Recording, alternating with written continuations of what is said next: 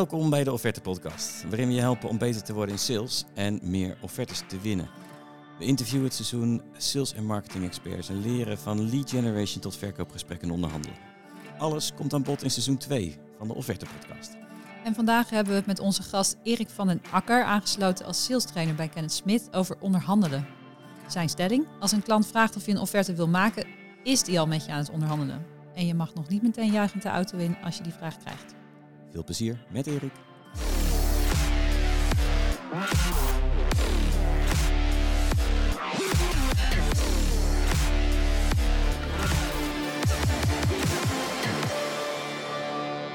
...25 jaar sales- en leiderschapservaring zit hier aan tafel vandaag. Erik van den Akker werkte meer dan twee decennia in ICT op alle niveaus, in binnen- en buitenland. Die expertise draagt hij inmiddels als ondernemer met succes over bij zijn opdrachtgevers. Op zijn LinkedIn-profiel staat dat hij business improver is. Dat is denken wij jargon voor hele goede sales trainer, maar daar vertelt hij zo meer over. Erik is aangesloten bij het gerenommeerde Kenneth Smit en wij hebben dit sales zwaargewicht speciaal voor jullie uitgenodigd om zijn visie te delen op onderhandelen. Hoe pak je dat slim aan, zodat je die offerte ook echt binnensleept? Erik, jij vertelde net tijdens de lunch dat je eigenlijk liever geen offertes maakt. En toch zit je in de studio van de Offerte Podcast. Vertel eens, wat heb jij tegen offertes? Ja, ehm, ik denk uh, de meeste luisteraars naar je podcast, uh, dat zijn geen offertefabrieken. Nee. Dat is niet hun core business. Uh, dus um, het kost ontzettend veel tijd en energie vaak om een offerte te maken. Mm. En ja, als ik dat kan voorkomen, dan doe ik dat. Ja, oké. Okay, dus het zit er meer op efficiëntie. Als je het kan voorkomen, doe je het liever niet. Nou, ik sluit liever de deal in een gesprek. Oké. Okay. Hey, en jouw stelling is dat als een klant jou vraagt om een offerte te maken, hij eigenlijk al is begonnen met onderhandelen. Dan kun je daar eens wat meer over vertellen? Ja, zeker. Um, kijk, ik denk altijd, waarom wil iemand uh, die vraag stellen? Mm -hmm. En als ik zie naar verkopers in de praktijk, heel vaak, als ik dan meega, hebben ze prima gesprekken en vergeten ze op het eind één ding, afsluiten. Mm. Heel veel mensen hebben gewoon angst, uh, afsluitingsangst, om ja, afgewezen te worden. Dadelijk krijg je een nee. Ja. Aan de andere kant van de tafel, ik vind het net zo moeilijk om nee tegen jou te zeggen. Mm. Zeker. Een leuk gesprek gehad en dan moet je in één keer iemand teleurstellen. Ja, dus wat ja, zeggen ja. ze dan? Wil je een offerte voor me maken? En dan zegt die oh, ja, natuurlijk. En die gaat juichend in de auto naar huis. Ja, Maar die klant weet al, ja, dat ga ik echt niet doen. ja. Dus ja, ja. twee weken later, eh, nou, nou, je hebt er binnen een aantal dagen, of wat je afgesproken hebt, die offerte gestuurd. En na twee weken krijg je een mailtje, dankjewel, maar nee, dankjewel. Thanks but no thanks. Ja, dus dan is het eigenlijk meer, dus de psychologie daarachter is, zeg jij eigenlijk aan twee kanten de angst om afgewezen te worden of om af te wijzen. Uh, en zo houden we elkaar dan een beetje gevangen in een soort schijnconstructie eigenlijk. Met, nou, ja, een soort, hoe zeg je dat? Uitgestelde afwijzing is dan een offerteaanvraag. Ja, dan hangt er vanaf als je inderdaad uh, na de vraag uh, wil je een offerte maken, ja zegt en dan opstapt en weggaat, dan Mm. wel. Ja, Maar je, moet nog even, je moet nog even blijven zitten. Je moet nog even blijven zitten. Oké. Welke vragen ga je stellen om er zeker van te zijn dat die offerte, dat je die niet voor niks gaat schrijven Ja. dan? Ja, Thijs heeft natuurlijk een hele leuke training voor. Ehm, maar de eerste vraag die je gaat stellen is, eh, kijk, ik, ik, ik ga natuurlijk eerst die spanning eraf halen. Natuurlijk maak ik een offerte voor je. Geen probleem. ja, eerst eventjes geruststelling. Dat je niet, hè, dat want als je zegt, nee, dat ga ik niet doen, dan heb je ook, eh, dan zet je de boel ook een beetje op scherp misschien. Dan ben je aan het vechten met elkaar. En, Ja. en dat wil je niet. Mhm. Eh, dus is, natuurlijk maak ik die offerte. Ehm, en dan is mijn eerste vraag, wat ga je met die offerte doen? Waarom, waarom vraag je dat? Wat is, het- wat is het wat je daarmee wil bereiken? Wat ik echt wil weten, ehm, wordt het hier gebruikt? Of wordt Mhm. er hier gewoon met een kluitje driet ingestuurd? Of is het serieus? Ja. Maar iemand zal niet zeggen, ja, ik stuur je eigenlijk met een kluitje en driet. Nee, die zal niet zeggen, weet je wat ik met die offerte ga doen? Die ga ik in een bureau leggen om er nooit meer naar te kijken. Toch? wat denk je dat ze dan wel zeggen? Ik heb geen idee. Ik heb die vraag nog nooit gesteld. Dus nou, daar gaan we natuurlijk serieus naar kijken en dan zal ik het voorleggen aan de directie en dan eh, hoor je van me. Nou, je- er zijn twee eh, standaard dingen die je nu roept. Hè. Ik ga erover nadenken. Mhm. Eh, ik ga het intern bespreken. Ja. Er wordt ook wel eens gezegd, ja, ik, ik ga het vergelijken Ja. hè, met de huidige aanbieder of met andere partijen. Ja. Eh, er kan gezegd worden, ja, dat is nou eenmaal onze procedure. Mhm. Of ik, eh, ik ga het gebruiken om budget aan te vragen. Oh ja, dat is een gevaarlijke vind ik, want dan weet je, oeh, die zit iets te vroeg in de funnel. Nou, je weet in ieder geval, ze hebben blijkbaar het budget nog niet. Ja. Hè, dus, Ja. dus, dus dat is, dat, nou, dan weet je al meer, wat gaan ze ermee doen. Ja. Oké, dus dat is een vraag om te stellen. Wat ga je met de offerte doen? Wat zou je nog meer, hè, want je zei je moet nog even blijven zitten. Dat is neem ik aan niet alleen om nog een kopje koffie te drinken. Dus wat moet je dan nog meer boven tafel krijgen? Nou ja, ik, eh, ik wil natuurlijk weten, ehm, eh, en dan? Ja, Hè, want eh, ik ga het intern overleggen. Ja, eh, tuurlijk, snap ik. Dat werkt bij mij thuis ook zo. Mhm. Eh, maar, maar dan, hè, dus eh, dat is wel één ding wat je wil weten. Wat zou je willen weten van die persoon als die zegt ik ga het intern overleggen? Nou, ik kan me voorstellen dat je een vraag wil stellen van als de offerte naar wens is, krijgen we dan de klus. Nou, dat is precies wat je wil weten. Ja. Maar ja, hij kan zeggen, nou, nee, ik moet overleggen. Nou, dan zou ik wel graag willen weten wat dan de, de decision criteria zijn. Hoe noem je dat? Nou, Eh, ja, dat, die komt later. Oké, waarover ga je Oh, dan de spanning neemt toe. Ik wil het weten. Ja, wat een trigger hè? Ik voel me nu ook heel dom. Ik voel me al bijna afgewezen. Nee, kijk, kijk, zie je het heel simpel, hè? Van als je... Goeie trainer eh, is stel dat wel, je, hè? stel, dat terug. Stel dat je iemand wil trouwen. Ja? Stel, gewoon hypothetisch. Eh, Ja. hypothetisch, Saskia, ja. Oh, dit gaat heel snel, dit gesprek. Dan ga je toch ook eerst vragen of iemand met je wil trouwen. Voordat je allemaal eh, vragen gaat stellen van waar zullen we dat doen en wanneer en hoe. ja, lijkt mij wel een goede volgorde. Ja, Ja. nou, dat is een deze met je klant ook. Ik wil eerst van mijn klant weten, eh, wil die met mij trouwen? Ja, en niet letterlijk natuurlijk. Hè, maar dan zeg ik, oké, nou, ik, ga, eh, ik ga het intern bespreken. Nou, dan kun je gewoon de vraag stellen, hypothetische vraag natuurlijk. Stel dat jij nu alleen een beslissing zou kunnen nemen. Nou ja, dat is een lekkere. Is dat niet die, Ja. eh, die halve Nelson waar Danielle het in de vorige aflevering over had? Ja. De halve Eh, Nelson. ja, die halve. Nelson. ehm, dat ging meer over als er eh, nog maar één issue over is. Hè, bijvoorbeeld Oh, ja. de prijs. Stel dat de prijs eh, ja. eh, geen punt is.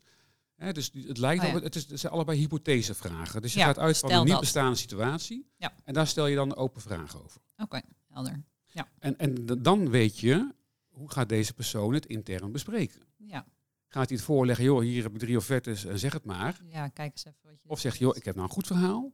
Ja. Hè, eh, van Thijs. Die heeft een fantastische eh, eh, software eh, tool voor offertes maken. Hm. Nou, dat, eh, dat moet, dat echt, en en gaat, die gaat gewoon eh, intern ook echt verkopen voor je. Ja, En dat wil je. Dan heb je, dan heb je in ieder geval het maximale commitment van die persoon die eh, jou vraagt om die offerte te maken. ja. Denk je dan dat je wel eens het antwoord ook krijgt van, nou, als het aan mij ligt, dan heb je hem. Zul je dat vaak horen? Want meestal zal het iets defensiever zijn, verwacht ik. Nou ja, mijn ervaring is dat ik dan meestal wel te horen krijg, ja, eh, dan eh, ga ik wel eh, met jou in zee. Ah, ja. Oké, ja. Ja.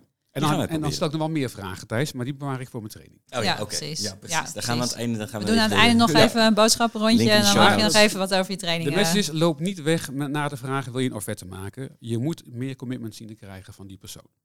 Oké, want die meer wil- commitment voordat je- je... het gaat ja. uiteindelijk eh, dat jij de, de goede kans ziet dat je die offerte ook echt gaat winnen. Ja.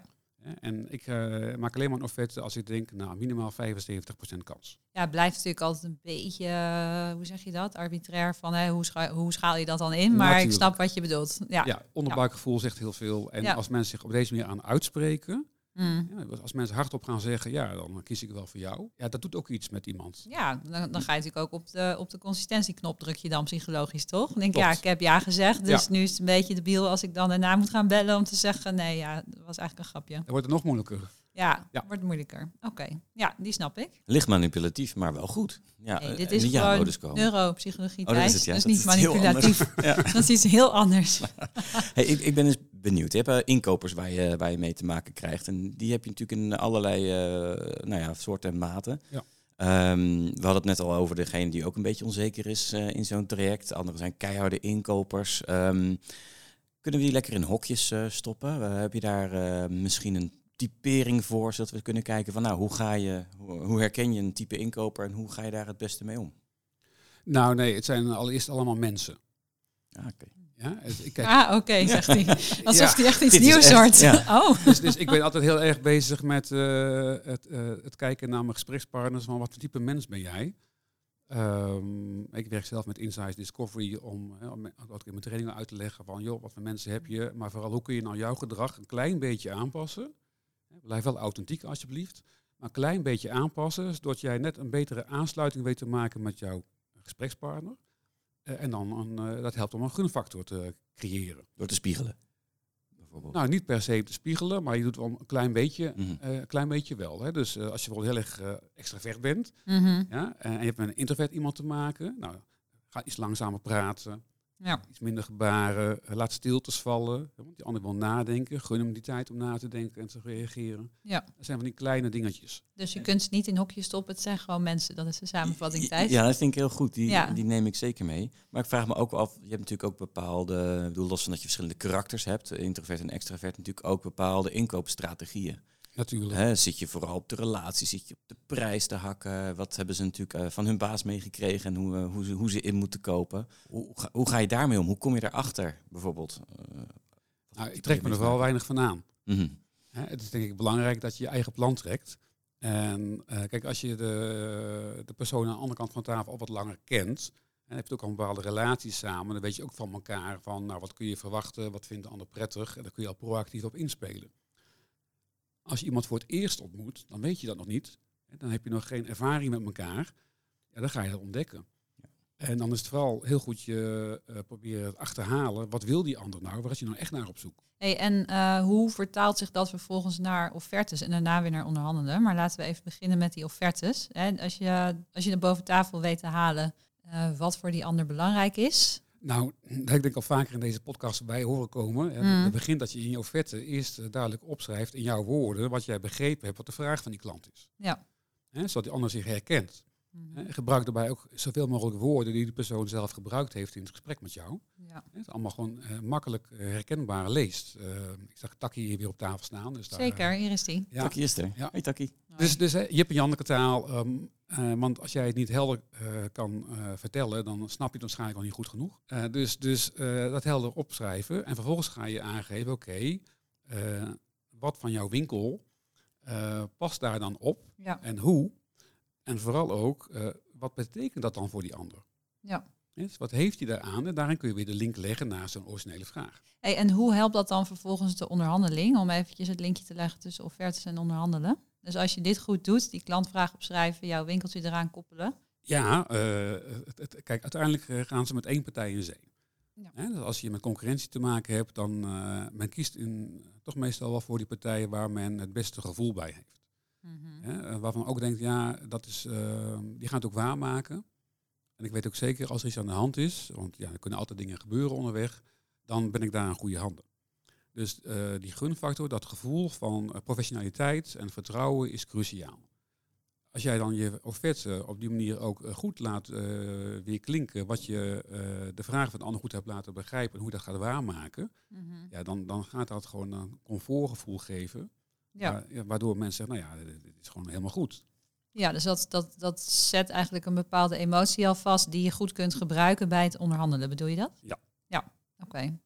Wat is trouwens de meest gemaakte fout in onderhandelen, wat jou betreft? Dat men zich niet goed voorbereidt en uh, zich niet goed verplaatst in de positie van de ander. Hm. Wat ik heel vaak zie gebeuren, is dat uh, commerciële mensen denken, nou, weet je, ik ga naar het gesprek en kom wel goed, ik klets me er wel doorheen. Ik ga er open ik, in. Ik ga, ja, ja. ook die. Hm. en ik, daar kom ik wel uit. Mm-hmm. Uh, terwijl uh, aan de andere kant van de tafel, en zeker als daar inkoop bij betrokken is, die zijn vaak te degen voorbereid. Mm-hmm. Ja, en door die goede voorbereiding trekken ze hele machtspositie naar zichzelf toe. Ja. Ja, uiteindelijk is dat wel een belangrijke factor in onderhandelen. En dan zie ik veel verkopers gaan Sinterklaasen. Sinterklaasen, oké. Okay. Ja, ik hoor een paar dingen. Nou, laten we eerst die Sinterklaas even pakken. Wanneer ben je aan het Sinterklaasen in onderhandelen? Als jij als eerste begint over de prijs, dat die lager kan. Dan ga je cadeautjes uitdelen. Absoluut. Hey, en hoe doen we het beter dan? Jij zegt de basisfout is, of de meest gemaakte fout, niet goed voorbereid zijn. Hoe bereid je je wel goed voor? Nou, we zoeken allemaal naar een win-win onderhandelingsresultaat. En we zijn meestal erg goed in staat om op een rij te zetten wat is een win voor ons. Bedenk nou eerst eens, wat is een win voor die ander? Ja, want ik wou net zeggen, zoeken wij echt naar een win-win resultaat? Of zijn we van nature meer geneigd om naar een uh, winner takes all uh, strategie te gaan, zeg maar? Nou, als je laat inspireren door films als uh, Wolf of Wall Street, ja, dan wel. Ja. ja. Maar dat is echt jaren 70, ja, jaren 80 zeggen, sales. Dat kan ja. vandaag echt niet meer. Nee, Leonardo DiCaprio heel gezellig, maar voor de rest, dat, dat soort sales, dat doen we niet meer, toch? Nee. Nee. Always be closing. Always be closing. Nee, nee, nee. Ja. Het is echt nu. Uh, pen. is andersom. Uh, als jij uh, op een goede manier vertrouwen weet eh, te creëren. En op een goede manier kan aansluiten bij de echte behoeftes van de klant. Het goed kan argumenteren, dan gaat het afsluiten eigenlijk vanzelf. En jij zegt dus in de voorbereiding, um, al bedenken wat, wat de win voor de ander kan zijn. Ja. En hoe bereid je dat voor? Ik bedoel, hoe kom ik daarachter? Vragen stellen Ja. eh, in je gesprekken. En, en echt, je echt verplaatsen in de ander. Stel nou dat jij in eh, haar of zijn positie zat. ja. Hè, wat zou jij dan willen? Maar dat zijn dat vragen die je in het onderhandeling... Maar ik ben even in de war omdat je het voorbereiding noemt. Zijn dat Ja. dan dingen die je voor het onderhandelingsgesprek in een ander gesprek al moet hebben gevraagd? Ja. Ja, hè, want een onderhandelingsgesprek is meestal niet het eerste gesprek. Nee. Eh, kan wel, hè, als, je, als je in één gesprek je hele eh, eh, conversie kan maken van intake tot en met afsluiten, ja, dan moet je dat niet laten. Nee. Dan moet je dat zeker doen. Hoef je geen offerte te maken. Precies dat. Maar vaak zijn er meerdere gesprekken. het kunnen ook maandenlange trajecten zijn. Het hangt helemaal van de, van de omgeving af, de complexiteit waar je in zit. Maar je moet je echt verdiepen in de ander en snappen wat wil die ander en wat is voor hun nou succes. Betekent het ook dat eh, als je een onderhan- onderhandelaar goed inschat, je denkt van nou, dat is zo'n kortingvrager. Gooi je vast 10% op de offerte, kun je korting geven. Zou, eh, moet ik het zo, mag ik het zo bot eh, zien? Nou, ehm, Het ligt vast ietsje subtieler. Het ligt iets genuanceerder. Ik train op basis van eh, Harvard onderhandelen. Die hebben zeven onderhandelingswetten. En een daarvan is accepteer nooit het eerste bod. Nou, dat weten klanten ook. Ja, dus uh, in onderhandelen, uh, en we onderhandelen allemaal, hè, uh, zonder offertes ook. Hè, gewoon in het dagelijkse leven onderhandel je ook. Vaak ja, is er gewoon veel meer uit te halen dan je denkt. En, ja, kijk, als je bij Albert Heijn aan de kassa staat, ja, dan ga ik niet onderhandelen. Uh, maar mensen die uit andere culturen hier komen wonen, doen dat in het begin wel, omdat dat in die culturen veel gebruikelijker is. Maar onderhandelen, uh, ja, je doet het eerste bod, uh, of misschien doet de klant een eerste bod, maar liever dat je zelf de regie houdt. Ja, als de klant ook weet van ja, je moet niet het eerste bod accepteren, dan, dan snapt hij dat er enige ruimte in kan zijn. Dat hangt toch wel erg ook af van de situatie. Hè? Of dat je inderdaad een paar t-shirts van, uh, van iemand op straat in Rome koopt. Uh, of dat je in een nieuw gaat kopen. En, uh, of een nieuw ja. ERP-systeem uh, ja. koopt. Dat gewoon, waarvan je zegt, ja, sorry, maar dit is gewoon de prijs. Hoor je ook regelmatig. Het zal toch sterk afhangen ook van, van welk dienst of product je, je koopt. In hoeverre Nou, nee, Dan ben je in ieder geval niet aan Sinterklaas als je dat zegt. Dit is Nee. gewoon de prijs. Ja. Wat voor, hoe noemen we dat type? Nou, dat, dat, dat is, uh, je, je, moet zo lang mogelijk vasthouden aan jouw standpunt. Hè? Dus, dus uh, ik heb uh, vorig jaar een renovatie van een badkamer gedaan. Mm -hmm. En ik dacht te kunnen onderhandelen met de badkamerzaak. Dat is moeilijk onderhandelen een jaar geleden, denk ik. Dat niet? was dus, daar ben ik achter gekomen. Ja. ja en, uh, en die verkoop deed het ook heel goed. Want die zei, ja, weet je Erik, uh, dit is gewoon de prijs die we nodig hebben. Als jij het ergens anders uh, beter of, of even goed voor een lage prijs kan krijgen, ja, dan moet je dat doen. Ja. Wij hebben dit nodig. Ja. Ik, ik let natuurlijk ook heel erg op verkopers als ze aan mij gaan verkopen. Ja. Ja, ik vind het geweldig als iemand zo voor zijn, ja. voor zijn standpunt staat. Dus dan, ja, dan ben ik om. Dus je hebt gewoon de full shebang betaald ik, voor ik de heb badkamer. de hoofdprijs betaald. Ja, heerlijk. ja, ja. Het is wel En- heel mooi geworden. Ja, nee, kijk, dat is ook belangrijk. Kijk, als je er zelf uiteindelijk maar achter staat, toch? Achter het resultaat. Dat is ook belangrijk bij onderhandelen, toch? Nou, het is sowieso in alles. ehm, ook eh, in, in al je gesprekken. Je straalt uit wat je gelooft. Mhm. Hè? Dus je moet achter je eigen verhaal staan. En, eh, en ja, eh, ik heb vorig jaar, eh, aan het einde van het jaar, heb ik ook een be- bedrijven weer training gedaan in eh, prijsverhoging verkopen. Mhm. Dus dat is tegenovergesteld. Ik ga niet een offerte doen en eh, over mijn prijs hebben. Nee, ik ga proactief naar mijn klanten. Jongens, vanaf 1 januari gaat ons tarief omhoog. Ja. Nou, ze zien je aankomen. Ja. Dus de meeste verkopers komen ook met knikkende knieën mijn, mijn training in. Van, ja, ja, dit moet ik doen. Dan moet het 8, 9, 10 procent prijsverhoging vragen van onze directie. Zijn ze helemaal gek geworden. Mm. En na een dag doen ze het. Ja. En Wat zijn daarin de, de belangrijkste punten die ze dan meenemen uit zo'n training? Nou, het belangrijkste is, eh, je moet achter je eigen verhaal staan. Ja. Dus als jij niet gelooft in waarom die hoge prijsverhoging eh, terecht is, Ja. ja, dan straal je dat uit in je non-verbale, Ja. eh, ook in hoe je het zegt, hè, gaat allemaal twijfelwoorden gebruiken. Ja, dan voel je dat gewoon en dan Ja. geen klant die het accepteert. Dus je moet uitstralen, je moet een goed verhaal hebben voor jezelf. Dat je zegt, ja, het is gewoon terecht. En eigenlijk komen ze dan goed weg met die 8 of ja. 9 Wees procent. blij. Ja. inflatie is 14 En dat is wel, dus ja. precies, Ja. dat koop je. En wa- wat ik wel een interessante vind, is wat ik me afvraag, hoe, eh, hoe doe je dat? Of hoe straal je dat uit op het moment dat het met je bedrijf misschien niet zo lekker gaat? Hè? Op dit moment is de economie goed. Volgens mij zitten hier drie mensen aan tafel die eh, het bijna voor het kiezen hebben aan opdrachten op dit moment. Maar wat nou als je iemand bent die denkt, ik heb deze deal eigenlijk wel echt nodig. Eh, want dan wordt het misschien lastiger om daar met die attitude te gaan zitten van eh, dit, dit is het gewoon en eh, zoek het maar uit. Hoe, Dat is hoe absoluut, werkt dat? absoluut lastiger en toch moet je het doen. Oké. Ehm, Maar hoe doe je het geloofwaardig? Nou ja, door, door allereerst jezelf te zijn, oprecht aan tafel zitten. Toen ik zelf was on- begon met ondernemen, ehm, ja, ik, ik kwam uit corporate wereld en in één keer ondernemer echt anders. Mhm. En ik moest mijn eerste deal binnenhalen. Ehm, nou, dat heeft, heeft, nou, een half jaar geduurd. Ik heb een eerste half jaar ook allerlei, ja, eh, ik noem het even leermomenten gehad. Mhm. Ja, eh, oh ja, ik moet echt een scherper gevoel weer terugkrijgen. Maar inmiddels was ik wel een half jaar verder. Ja, ik had toch wel wat omzet nodig inmiddels. En dan is het gevaar dat je die andere persoon als een zak euro's ziet. In plaats van een mens hè, eh, die je kan helpen. Het is cruciaal dat je het als mens blijft zien en niet als een zak euro's. En dat je gewoon uitstraalt, joh, ik heb toegevoegde waarde voor je. Ik kan je echt ergens mee helpen.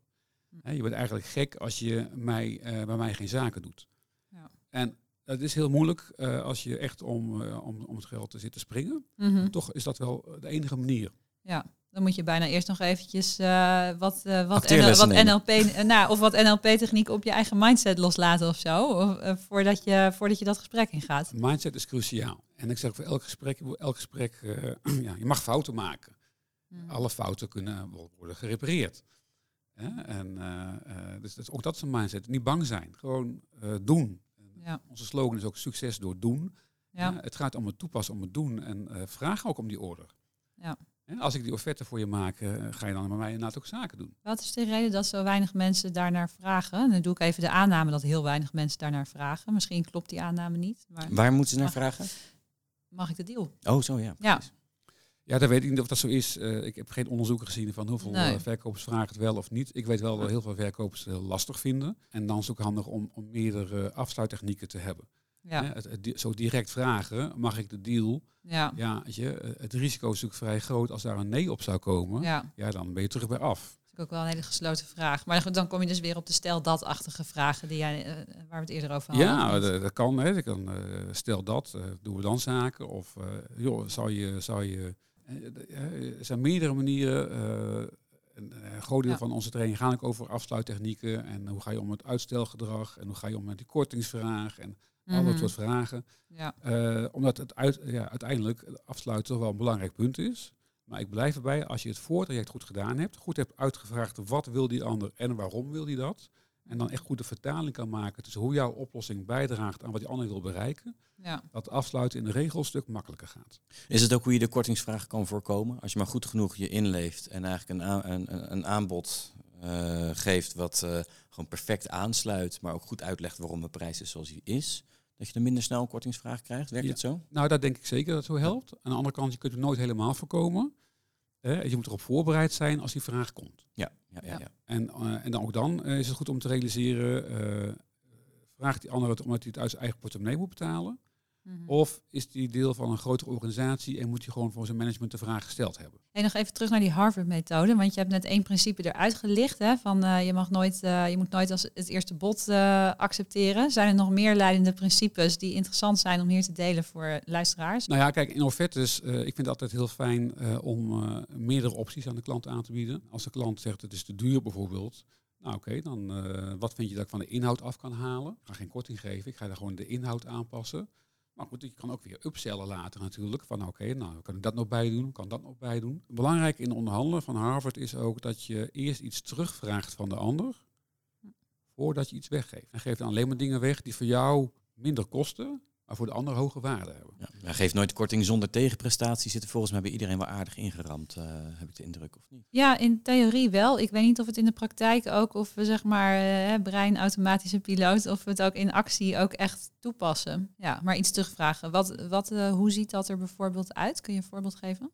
Nou, ik doe in mijn training als een workshop. Wat kun je allemaal weggeven en wat kun je allemaal terugvragen? En dan blijkt dat mensen het weggeven wat makkelijker vinden om in te vullen. Maar Die, Sinterklaasrol, die, eh, die zit wel lekker. Die zit heel goed. Ja, Maar het terugvragen, oeh, dat vinden mensen heel moeilijk. En dan, eh, ja, je, je kan van alles eh, terugvragen. De, de makkelijkste, wat de ander ook niks kost, referenties. mogen we dan jullie als Kees eh, overal welke site en socials gebruiken? Als we Ja. jullie als case mogen gebruiken, Mhm. hè, als het natuurlijk succesvol is geïmplementeerd, hè, dat is natuurlijk wel een voorwaarde, Ja, dan wil ik je dat en dat voor je doen. Maar je Mhm. kan ook vragen, nou weet je, eh, wil je mij introduceren bij twee, drie mensen uit jouw netwerk? Hm. Met een warme aanbeveling. En dan ga je echt naar eh, win-win plus onderhandelen toe. Ja, win-win plus onderhandelen. Wanneer, is- wanneer ben je aan het win-win plus onderhandelen? Nou, als je iets, nog iets extra's eh, eruit krijgt. Dus niet win-win is dat allebei partijen een goed resultaat is. Maar als je ook nog bijvoorbeeld een paar eh, nieuwe leads bij krijgt, Ja. dan is het een win-win plus. Dat is een mes met heel veel kanten. Je gaat naar een surplus toe, zeg maar. Ja, precies. Ja. Ik snap het. Hey, als we nog eens even proberen terug te brengen naar offertes. Hè. Je gaf al aan, eh, f- gebruik opties bijvoorbeeld. Maar je hebt natuurlijk eh, verschillende type opdrachten, verschillende type opdrachtgevers. Eh, hoe kun je nou in een offerte alvast zeg maar, een voorzet geven aan je onderhandeling? Door hem dicht te timmeren, door juist opening te verschaffen. Heb je daar eh, suggesties voor? Nou, dat vraagt, eh, nee, gaat een vraag vooraf, waarover zou je willen onderhandelen? Ja, precies. Soms is dat eh, nou ja, eh, de, scope van een project. Of het is, Ja. zijn features die je al of niet doet. Of het kan inderdaad de, de, de prijs zijn. Of wat ik zelf als mee te maken heb, is het een inspanningsverplichting of een resultaatverplichting. Wat een heel belangrijk verschil is. Zeker, groot verschil. Want als het resultaatverlichting is, dan zul je wat extra marge moeten inbouwen. Contingency. Ja. Hè, voor, voor tegenvallers. Eh, in, in investeringen en in tijd. Eh, maar dat zijn dingen die je allemaal in de voorgaande gesprekken eh, al kan verkennen. Hè? En dan kom ik weer terug op mijn stokpaardje, de hypothesevraag. Hè? Dus ga heel veel hypothesevragen stellen in jouw verkoopgesprekken. Hè, Wat als dit? Wat als zus? Wat als zo? Hoe, vind je dan, hoe kijk je dan daar tegenaan? Wat zou je dan willen? En dat is echt mijn punt. Je moet, je moet als geen ander begrijpen, misschien nog wel beter dan die persoon zelf. Wat is nou een goed resultaat voor haar of hem? Jij zei dat is de vraag die voorafgaat aan uiteindelijk het inbouwen van de juiste speelruimte in je offerte. Nou, je gaat dus echt een link maken. Nou, stel dat je deze kant op wil gaan, dan eh, betekent het eh, dit en dat. Ja, Eh, als je de andere kant, als, je, als dat erbij zou willen hebben, dan is dat een extra investering en heeft dat de impact op een doorlooptijd. ja, je kan dat er ook uithalen. Ja? Dus, dus, en afhankelijk van wat voor type zit tegenover je, bijvoorbeeld je zegt nou, zegt de prijs is 1000.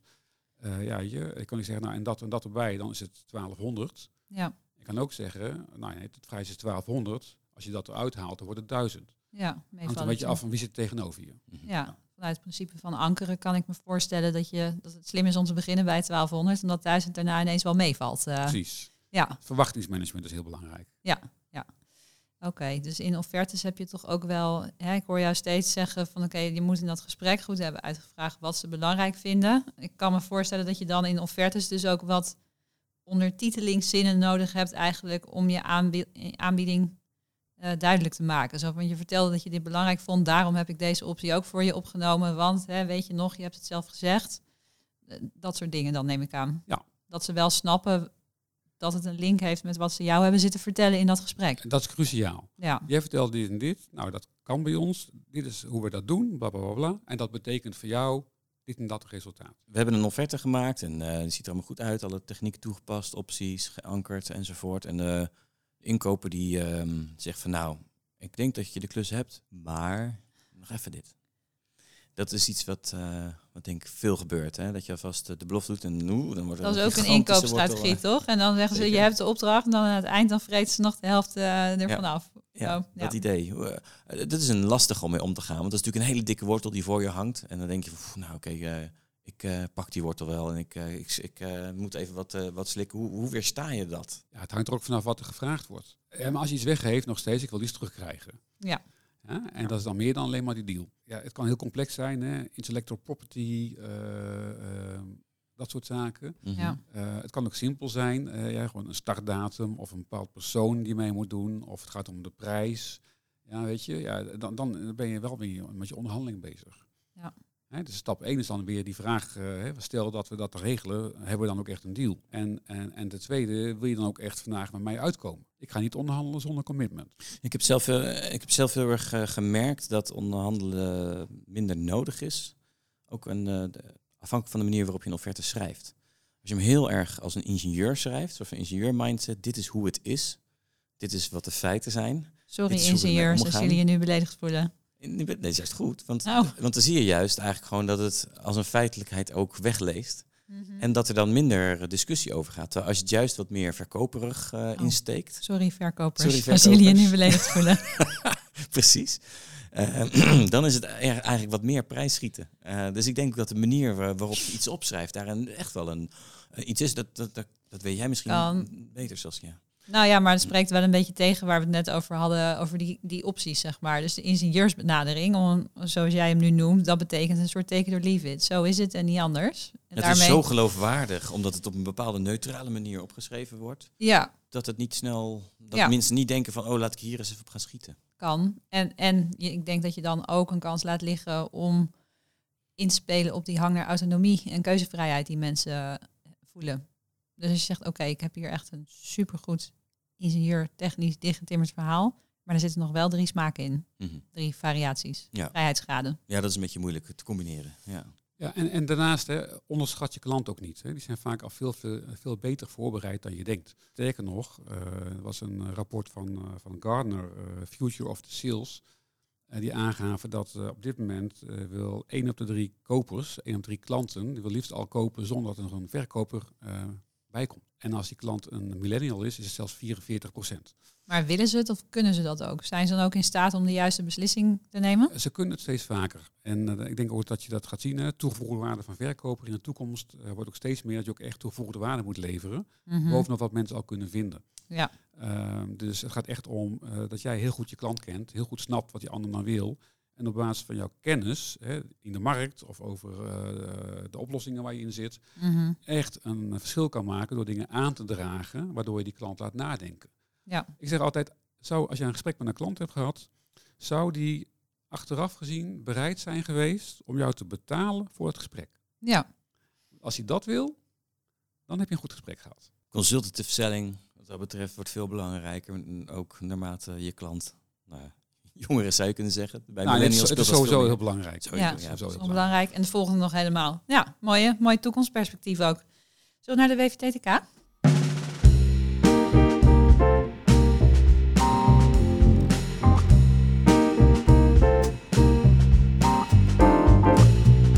Wat ik altijd wel aardig vind en wat ik ook vaak voorbij hoor komen is Never Split the Difference van Chris Vos. Ik, ben, ik kijk nu ook even naar Erik eigenlijk. Ik ben wel benieuwd wat jij daarvan vindt. Nou ja, ik weet ik doe nou een aanname dat je doet op mensen in onderhandelen van nou weet je, eh, jij vraagt 100, ik vraag 150, we maken het af op 125. Doe dat inderdaad nooit. Nee. Hè? Want eh, eh, dan denk ik namelijk van oké, nou jij gaat nu van 100 naar 125, dus ik ga naar 145. Ja, precies. Hè? Dus, dus, nog eh, nergens uit. Nee. Nee. Ga, dat, is, dat is het gemiddeld onderhandelen. Ja. En dat is, niet wat je, dat is niet wat wij excellent onderhandelen noemen. Dus als echt- je dat nee. wil leren, dan... Dan moet je bij jou. Nou, dat is misschien meteen een mooie link. Laten we even boodschappen doen, eh Erik. Hoe kunnen mensen jou geld geven? Nou, eh, als- ik mensen kan helpen eh, op een of ander gebied, dan, eh, anders wil ik namelijk geen geld hebben, dan kunnen ze mij natuurlijk rechtstreeks benaderen via LinkedIn. Dat is de makkelijkste manier. En, ehm, Even je profiel in de show notes. ja, en ik zeg altijd, ehm, eh, ik beloof mensen naast versnelde groei van hun, ik beloof je dat je makkelijker en sneller je doelen weet te halen en een leuker leven hebt. Een leuker leven. Hoppakee. Nou, ja. wie wil dat nou niet? Ja, ja, want heel veel dingen die je van mij met trainingen le- leert, die kun je ook um, één op één toepassen in je persoonlijke leven. Mooi. Super. Mooi. Dit was de offerte podcast dan. Ehm, abonneer je en eh, geef goede ratings in Spotify. Ehm, meld je ook aan op onze site offertepodcast.nl eh, voor de alert. En je krijgt een mailtje als eh, er weer een nieuwe aflevering online staat. Ehm dankjewel Saskia. Dankjewel Thijs. Wel, Erik. Dankjewel Taki. Dankjewel. Ja, dankjewel Taki, zeker. En Eh, Erik, top dat je er was. ja, hè. Alle luisteraars, heel veel succes met eh, het maken van offertes en tot de volgende.